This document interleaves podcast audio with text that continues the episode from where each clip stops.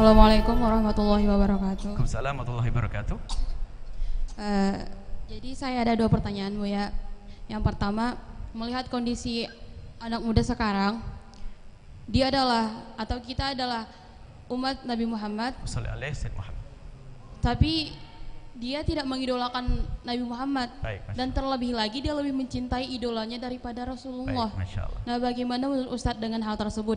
Kemudian yang kedua adalah saya sering mendengar prinsip orang yang berkata, jika kamu baik, aku akan lebih baik daripada kamu. Tapi jika kamu jahat, jangan salahkan. Aku akan membalasnya dengan kejahatan. Nah, apakah prinsip itu salah, Ustadz? Uh, Buya maksud saya. Terima kasih. Assalamualaikum warahmatullahi wabarakatuh. Assalamualaikum warahmatullahi wabarakatuh. Masya Allah. Ini pertanyaan mahasiswa harus gitu.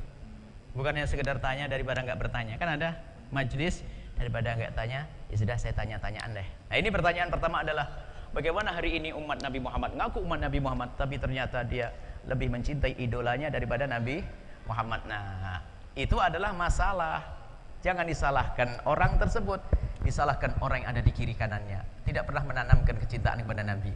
Orang tuanya dimulai, gurunya. Nah, itu yang salah bukan dia. Oh dia itu tumbuh. Anak-anak seperti dirimu kan tumbuh. Makanya beruntung kalau di kampus diadakan begini. Kamu tumbuh di sini, ditanamkan cinta Nabi. Percaya. Kalau setelah dirimu mendengar omongan Buya, akan jadi bahan kok renungan kok. Kenapa kok aku mengidolakan artis itu? Akan jadi bahan renungan. Jadi permasalahannya bukan di dalam diri anak muda tersebut, adalah siang di kiri kanannya tidak mengajarkan. Makanya perayaan Maulid Nabi untuk itu wahai anakku yang soleha, untuk menghentikan kesalahan dalam mencintai, untuk memangkas idola yang salah itu. Inilah diadakannya. Makanya harus terus diasah begitu. Jangan sampai mengidolakan selain Nabi Wasallam. Mengidolakan orang yang ada hubungan dengan Nabi, oke. Ulama, saya kagum dengan Salahuddin Al Ayyubi, saya kagum dengan Muhammad Al Fatih, oke. Kenapa? Di situ ada sifat-sifat Rasulullah Sallallahu Alaihi Wasallam. Benar. Kemudian yang kedua, wahai anakku, apa tadi? Buya sudah tua, cepat lupa nak. Oh, kalau kau baik, aku akan lebih baik. Jika kau tidak baik, jangan salahkan dirimu, diriku akan lebih jahat. Enggak, enggak begitu adab Nabi. Jika kau berbuat baik, aku wajib membalasmu dengan kebaikan yang lebih. Hal jaza oleh ihsan. Jika engkau melakukan kesalahan, engkau adalah umat Nabi Muhammad. Aku akan maafkan dan aku balas dengan kebaikan. Berubah, ya. Selesai. Itu nah. Nabi Muhammad, pengingat umat Nabi Muhammad kok ngedendam. Ngedendam jauh dari Nabi. Coba kalau kita marah dengan dia, dia umat siapa yuk? Umat Nabi Muhammad. Lah kok kita mau jahat sama dia? Mana Nabi Muhammadnya? Makanya ini loh, kalau orang cinta Nabi Muhammad kan beres dendam nggak ada. Dia mau marah. Uh. Ya Allah, dia umat Nabi Muhammad SAW. Ada sebuah kisah ya, anakku soleha. Imam Ahmad bin Hambal itu kan dihukum tiga generasi khalifah. Dihukumnya bukan main-main, belenggu, diikat rantainya orang alim, belajar dihukum. Pas di yang terakhir, rupanya ada sadar itu khalifah. Khalifah Abbasiyah ini, daulah Abbasiyah. Akhirnya yang terakhir itu adalah rupanya sadar, akhirnya dipanggil Imam Ahmad.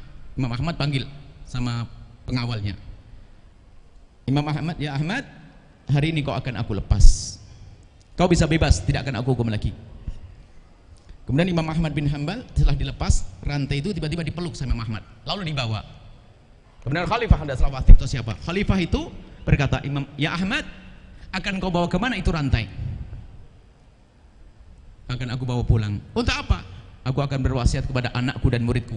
Kalau aku mati nanti, aku ingin rantai ini dikubur akan aku gunakan untuk menuntut ayahmu dan kakekmu yang telah membelengguku.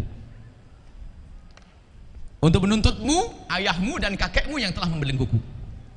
Rupanya sang khalifah itu tiba menitikkan air mata, menitikkan air mata dan berkata, Ya Ahmad, jangan lakukan itu ya Ahmad, maafkan aku, ayahku dan kakekku, maafkan aku ya Ahmad.